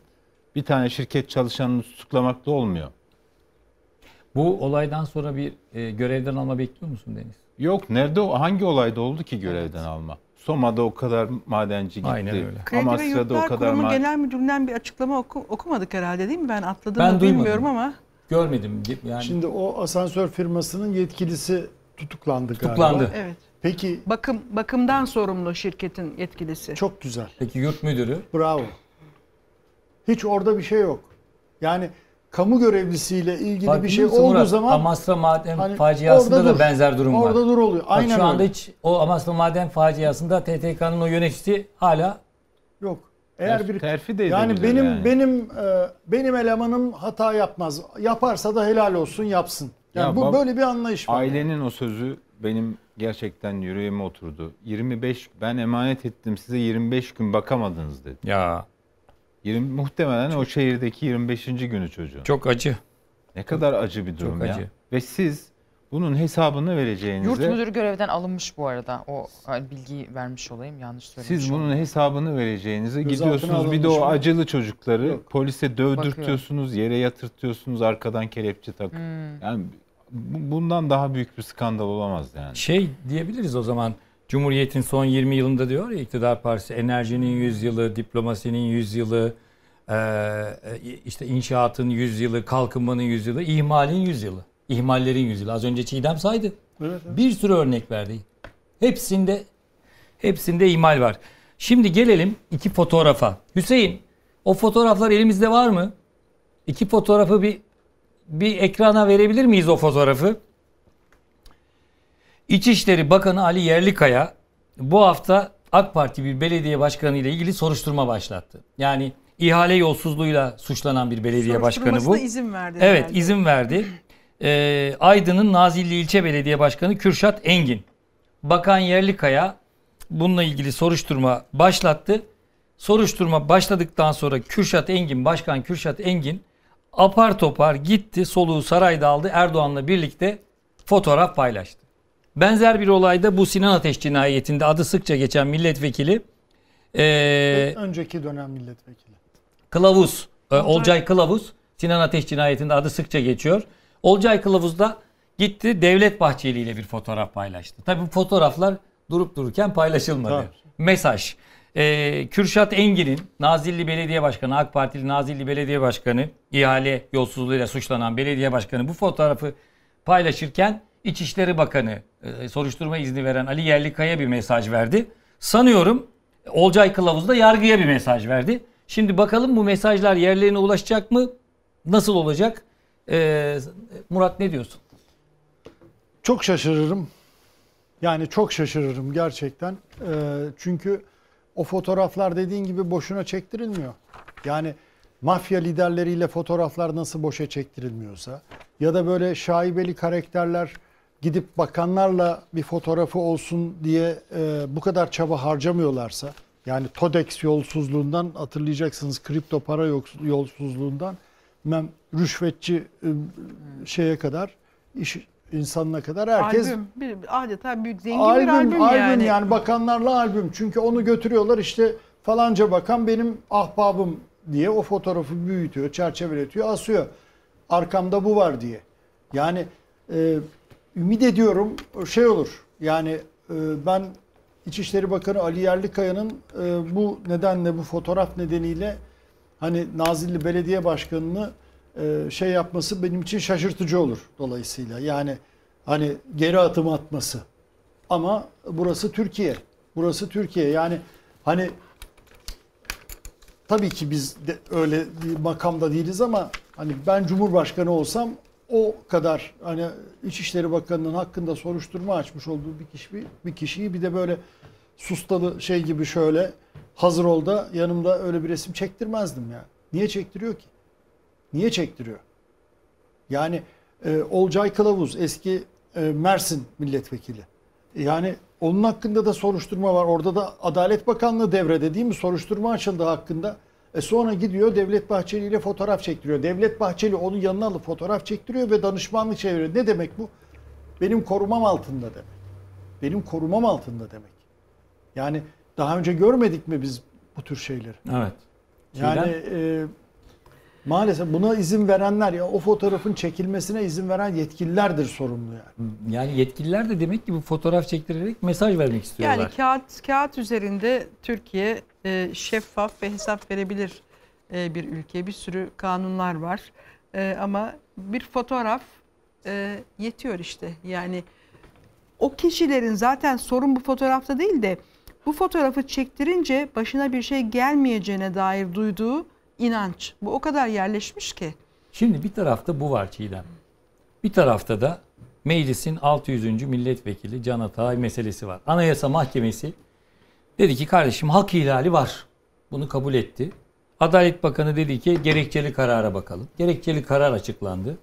Ama şu anda herhangi bir durumda değişiklik yok. Can Atalay şu anda içeride normal şartlar altında bırakılması gerekiyor. Adalet Bakanı muhtemelen gerekçeli kararın geç yayımlanacağını umuyordu. Şimdi Anayasa Mahkemesi kararları verilir ve e, yazılı olarak yayımlanması bir zaman alır ya. Bazen birkaç hafta alır, bazen birkaç ay alır, bazen de bir sene alır. Yani Anayasa Mahkemesi kararın şeyine göre, içeriğine, niteliğine, gündemdeki sırasına göre filan ya da resmi gazete yoğunluğuna göre bazen bir karar alındıktan, çıktıktan, biz onu haber olarak duyduktan çok sonra görürüz gerekçeli kararı.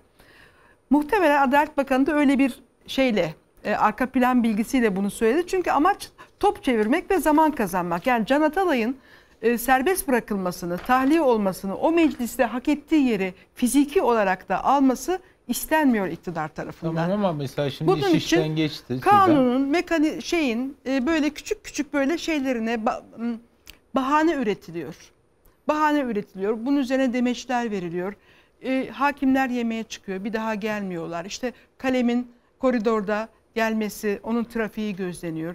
Bir, bir iki saat öncesine kadar hala adliyede e, avukatları ve arkadaşları ve bazı meslektaşlarımız, gazeteci meslektaşlarımız bekliyorlardı. Yani derhal diye bir tabir vardır. Hemen. Yani Anayasa Mahkemesi'nin bu hak ihlali kararının çıktığı andan itibaren gerekçeli kararın bile yayımı beklenmeden bu şey gibidir eski. Yani yürütmeyi durdurma kararı gibidir idari yargıdaki. Hemen yani onun gerekçeli kararı beklemeden senin onun gereğini yapman gerekiyor. Çünkü şeyin özü bu. Yani hukukun özü bu. O kararın niteliği o. Senin onun gereğini yerine getirmemen o hak ihlalinin devamına göz yumman Anayasa anlamına Mahkemesi geliyor. bu kararla aslında Adalet Bakanı'na büyük bir hukuk dersi de verdi diyebilir miyiz? Çünkü Çok- ana, Adalet Bakanı 13. maddeye atıfta bulunarak tartışmalı madde zaten. AYM'nin Evet. tartıştığı madde. Evet. Can Atalay'ın e, işte şeyde dokunulmazlıkla alakası yok dedi. Ee, yani tabii ki yani sonuçta Adalet Bakanı da e, hukukçu, hukuk eğitimi almış bir insan. Normal koşullarda bunu zaten kendisinin de Anayasa Mahkemesi'nin de böyle bir kararının beklemesine bile gerek yok. Ama işin şeyi başka, arka planı başka. Yani Hı hı. siyaseten bir bir talimat bekleniyor belli ki. Evet bir yerlerden bir talimat. yerlerden ta- ve Can Atalay'ın da e, milletvekili Can Atalay ile Türkiye İşçi Partisi milletvekili Can Atalay'ın da vekil olmadan önce demin sözünü ettiğimiz e, en son e, devlet ihmalinin açık olduğu e, bu tür kamu görevlilerinin sorumlu tutulabileceği, ihmaller zincirinin e, merkezde olduğu, vatandaşların mağdur edildiği, vatandaşların öldüğü, ölümüne göz yumulduğu e, bu tür davaların avukatı olduğunu da hatırlatmak gerekiyor. Bir de bu ayrım. Can Atalay'ın. Evet. Böyle bir kimliği var Evet. esas itibariyle. Deniz Meclis Başkanı Yargıtay kararını bilerek okutmadım dedi. Anayasa Mahkemesi'nden gelecek kararı şey yaptım. Çünkü Yargıtay kararı okunsaydı hükmü milletvekilliği düşecekti. Ama özellikle AYM'yi bekledim dedi ve Meclis Başkanı da bunu aslında hani Anayasa Meclis Mahkemesi'nin Başkanı zaten derhal serbest bırakılmalıdır ve gelmelidir tarzında bir açıklama da yaptı. Evet şimdi Türkiye'de şuna güvenemiyorsun. E, normal koşullarda 13. ağır cezaya gidecek bu karar. Ve onlar tekrardan yargılama yeniden yapılsın diyecek ve bir an önce tahliye e, kararını verecek. Fakat AYM'nin kararını takmayan e, ceza mahkemesi hakimleri var. Daha işte bir tanesi olmadı mı ya? 3. Daha ceza mahkemesi hakimi takmadı. Bakan yardımcısı oldu. Bir de yetmedi HSK. Hakimler Savcılar Kurulu'nda belirleyici oldu. Yani Anayasa Mahkemesi'ni takmayan yükseliyor Türkiye'de. E, Öyle bir gelenek var. Ya burada mesele e, Çiğdem'in anlattığı e, çerçevede bakılmalı. Yani hukuk devletinde bu iş nasıl olmalı? Adalet Bakanı bir oyalamak için böyle demiş olabilir ama iş işten geçti. Resmi gazetede yayınlandı gerekçeli karar. O zaman o önceki tartışmaların hiçbir manası yok. Adalet Bakanı'nın daha önce yaptığı açıklamayı da dikkate alarak çıkıp evet ya Yargıtay'ın gerekçeli kararında bu şey Anayasa Mahkemesi'nin gerekçeli kararında böyle bir ifade var. Anayasamızda da Anayasa e, Mahkemesi'nin kararları derhal uygulanır diye bir ifade var. Dolayısıyla yapılması gereken şudur diye çok net bir şekilde gö- görüşünü açıklaması gerekiyor. Yani senin de söylediğin gibi Yargıtay dosyayı şey e, yerel mahkeme statüsündeki 13. Ağır Ceza Mahkemesi dosyayı yeniden açacak. Sonra diyecek ki bu adam milletvekili. Bunu biz yargılayamayız. Durduracak yargılamayı dönem sonuna bırakacak ve fezlekeyi meclise gönderecek. Ha meclis eğer e, dokunulmazlığını kaldırırsa Can Atalay'ın 13. Ağır Ceza yeniden yargılayabilecek. Kaldırmazsa da dönem sonunu bekleyecek. E, Can Atalay'ın milletvekilliği bittiğinde Kalan yine- cezası. ka- yargı yeniden yargılama olacak. Yani bu kadar açık ve net. Bunun için hukukçu bile olmaya gerek ya, Ya o gerek yok. Selahattin Demirtaş davasında aynısı olmadı mı ya? Ya Anayasa hepsinde Mahkemesi Gergerlioğlu davası var, Berberoğlu davası var. Bunların Evet. hepsinde Haberal var. yani yerel mahkemenin var zaten. yerel mahkemenin en üst mahkeme olan Anayasa Mahkemesi'ni takmaması hukuk devletinde olmuş bir şey değil. O olacak bir şey değil ama Türkiye'de olmuş bir Oluyor şey. işte. Demek ki biz hukuk devleti olma konusunda biraz sıkıntılıyız yani. Bakın hukuk, devleti olmaktan geçtim. Kanun devleti olamıyoruz ya. Kendi koyduğumuz kanunları uygulayamıyoruz. Hukuk devleti şu demek. Senin kanunların gerçekten adalet dağıtıyor ve bunları da uyguluyorsun. Hukuk devleti bu. Kanun devleti mesela Kuzey Kore kanun devleti sayılabilir. Çünkü katılıkla uyguluyor şeyini idam ediyor mesela filan. Yani Suudi Arabistan kanun devleti. Ya da yapmak Hukuk devleti zaten değil. Yapmak istediği şey için kanun çıkarıyor. Yani Burada- adaletli olmayan ya kendi ka- koyduğumuz kanuna uymuyoruz ya. Kendi koyduğumuz kanuna uymuyoruz. O zaman Anayasa, anayasa anay- evet, özür dilerim. Anayasanın ederim. 90. maddesi var. Diyor ki Avrupa İnsan Hakları Mahkemesi kararları eğer bir çelişki olduğu halde yerel hukukla bir çelişki olduğu zaman esas alınacaktır diyor. Üstündedir Hangisi diyor. alınıyor?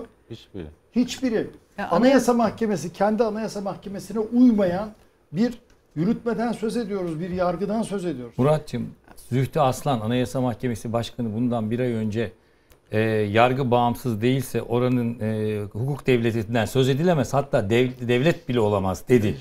E şimdi bu Anayasa Mahkemesi Başkanı'nın bunu dediği yerde Adalet Bakanı'nın bu mekanizmada, bu süreçte ne işi var? Şunu da hatırlatalım. Böyle bir şey olabilir mi? Adalet Bakanı bunun neresi? istifa etmeli bence Adalet Bakanı. Buradan istifaya da çağırıyorum. Neden biliyor musunuz? Çünkü Adalet Bakanı e, tamamen Anayasa Mahkemesi'nden çıkan karar Adalet Bakanı'nın bu işte çuvalladığını, hukukçu mukukçu olmadığını gösterdi. Çok Bu arada- iddialı konuştu.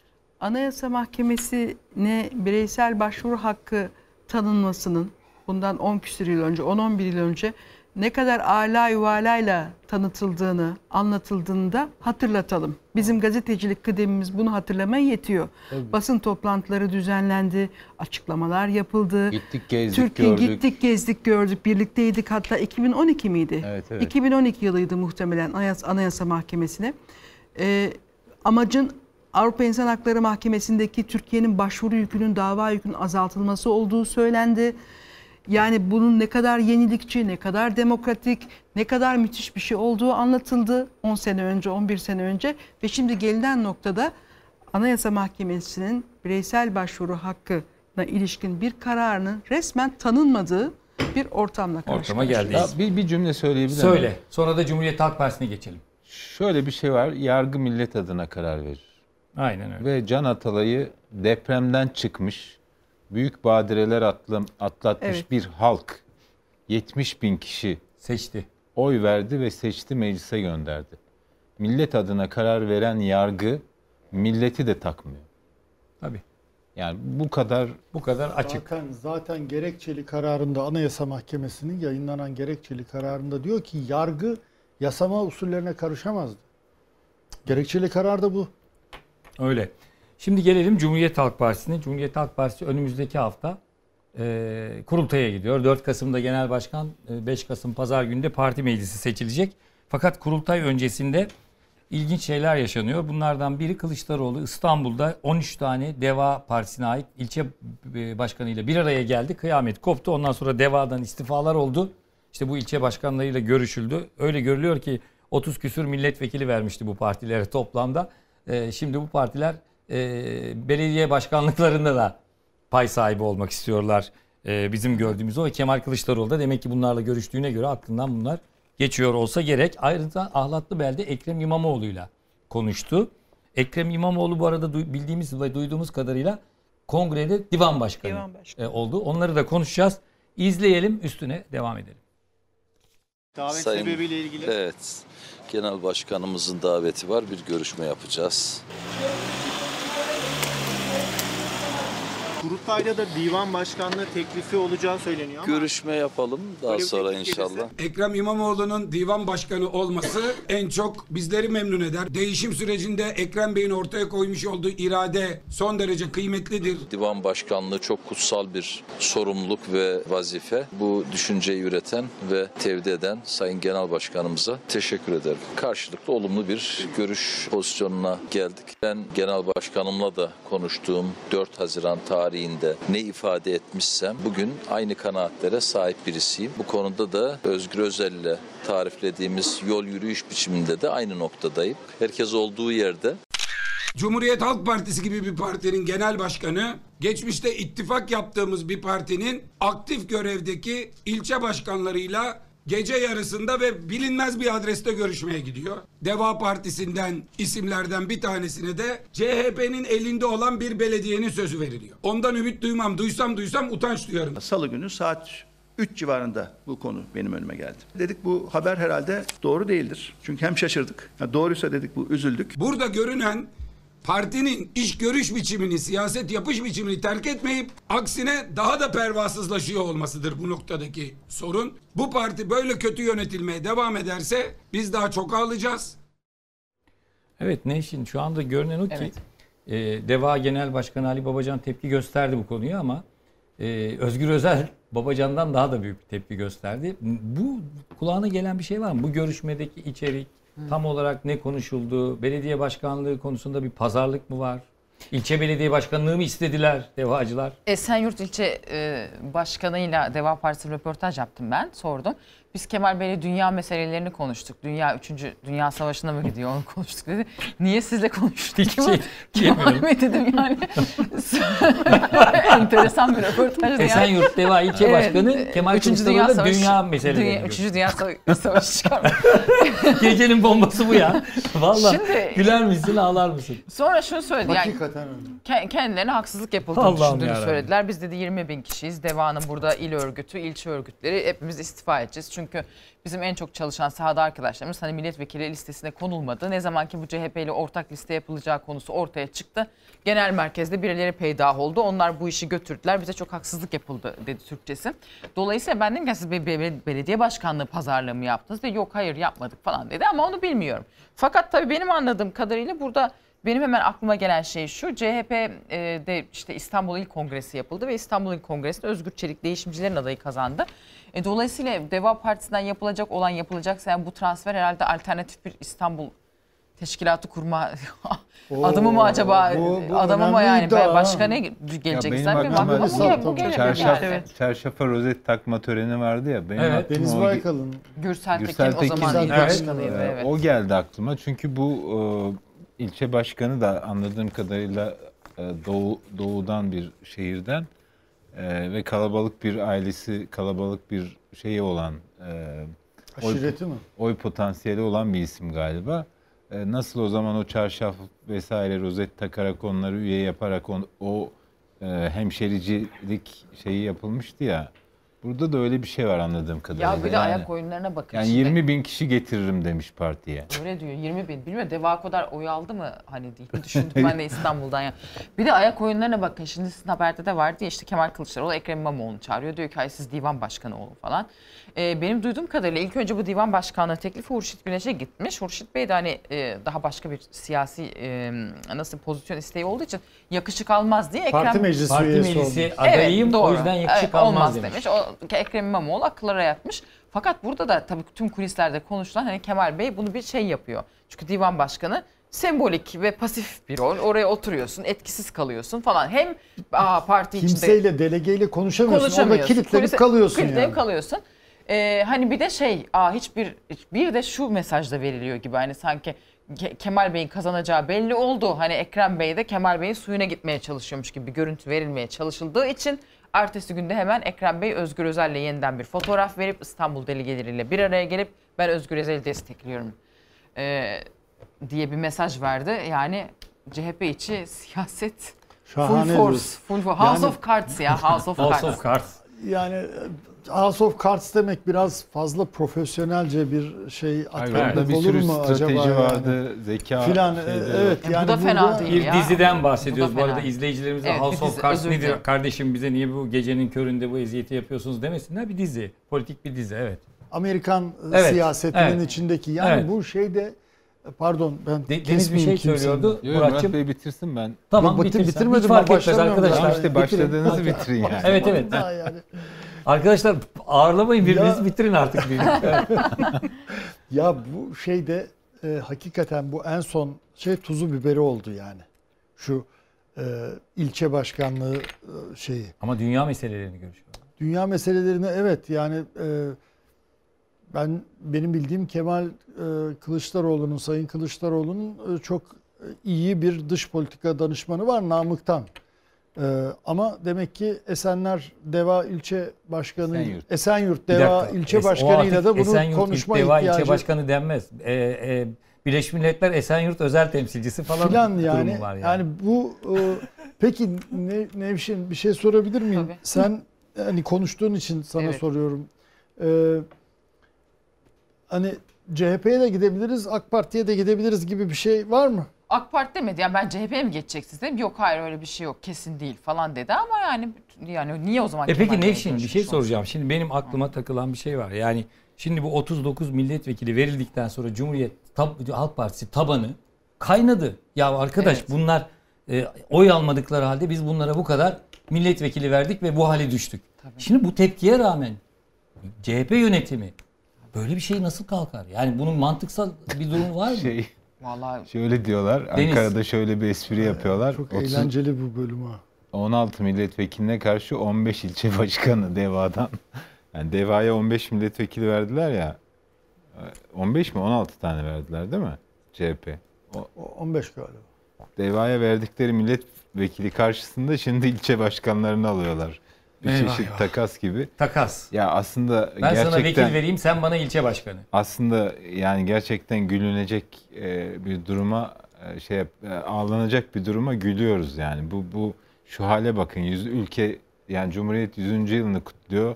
Cumhuriyeti kuran parti 100 yaşında ve şu içine düştüğü duruma bakın. Milletvekilleri bize haber gönderiyor. İşte ya e, Kemal Bey'i niye bu kadar eleş? Ya benim derdim Kemal Bey'le ilgili değil ki. Benim derdim X şahsıyla ilgili değil ki. Ben, ben gördüğümü anlamaya ve analiz etmeye çalışıyorum. Ya ülke bu hale gelmiş. Sözü geçmiyor ülkenin. Yani Tayyip Erdoğan şimdi yarın miting yapacak Gazze ile ilgili. Bir tane Filistin'in hayatını kurtarabilecek mi? Samimiyetle söylüyorum. Havanda su dövüyoruz ya. İktidarı, Yani- muhalefeti havanda su dövüyor memleket. Bu Ama milli- bir yandan affedersin. özür Bir- diliyorum. Peki. Buyur. Mill- bir cümle söyleyeceğim. Millet aç dolaşıyor. Ha- Halk perişan. Ciddi yani 100 yılın en derin yoksulluğu yaşanıyor memlekette. Ev kiraları bilmem neler millet birbirini kırıyor artık.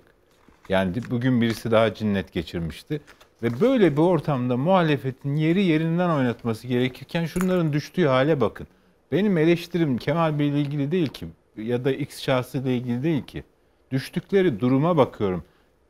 iktidar bunlar böyle kaldığı müddetçe Tayyip Erdoğan iktidarı bütün başarısızlıklarına rağmen mutlak iktidara dönüşecek. Varlık nedeni iktidar partisinin muhalefetin başarısızlığı. Bu kadar net söylüyorum. Öyle. Öyle, de devam ederlerse bu durum, Öyle. bu statiko bu ülkede devam edecek. Öyle. Nevşin. Murat e, Bey bir şey söyleyecek. Ah, Murat tamamla. Ne- Nevşin diye bana. Pardon. Ya artık hakikaten CHP'den konuşunca daha bizim de ezberimiz dağılıyor. Yani haklısın, Abi çok haklısın diyor. Yani şu Esenyurt olayını duyduktan sonra benim de şey e, ayarım bozuldu. Ya çok samimi bir şey söyleyeceğim. Şu Cumhuriyet Halk Partisi kurultayı bir olsun bitsin kim kazanacaksa kazansın. Cumhuriyet Halk Partililer de rahatlasın. Ha, biz de rahatlayalım. Bir Rahatlayacağız mı bakalım? Hayır hayır ya bir, neyin ne olduğu belli olsun arkadaş. Yani mesela bir milletvekiliyle konuşuyorsun Cumhuriyet Halk Partili tamam bir şey söylüyor. Yani işte Kemal Bey şöyle diyor falan mesela eleştiriyor. Üç gün sonra bir bakıyorsun aa bir numaralı Kemal Kılıçdaroğlu'cu olmuş ya da tam tersine e, günlük saflar değişiyor falan böyle. Dolayısıyla ben hani şu kurultay bitene kadar pek e, dokunmuyorum da artık yani hani kimle konuşacaksın herkesin şeyi belli yani belli değil pardon akışkan Bir- vaziyette. Bir, genel eski bir genel başkan yardımcısı özür diliyorum. Bu tam buna oturduğu için söyleyeceğim. Bir gün beni aradı. Yani bunların hepsini istifa ettirdi ya Kemal Bey. Evet. Görevden aldı. Sonra bazılarını yeniden atadı ve çoğunu atamadı. Onlardan bir tanesi. Aradı bana bir sürü Kemal Bey'i eleştiren cümle kurdu. Şöyle de böyle de işte ben şunu başardım, bunu başardım ama buna rağmen şu orada kaldığı halde ben kalmadım diye. Geçen gün baktım ateşli bir Kemal Kılıçdaroğlu savunucusu olmuş. Dedim ki ya sen bu kadar böyle böyle böyle şeyler söyledin. Şimdi dedim acayip bir genel başkancı olmuşsun. Nasıl iş dedim. Ben dedi e, Özgür Özel'i daha az seviyorum. ya da Özgür Özel'den daha çok nefret ediyorum. İşte az önce Doğan dedi ya yani ne bir program var, ne bir ideoloji var, ne bir siyaset var. Hiçbir şey yok. Sadece kayıkçı kavgası gibi. Efendim o gitsin ben geleyim. Ya Bundan başka bir şey yok yani ortada. Hizipçilik işte Evet. Çiğdem şimdi buradan gidelim.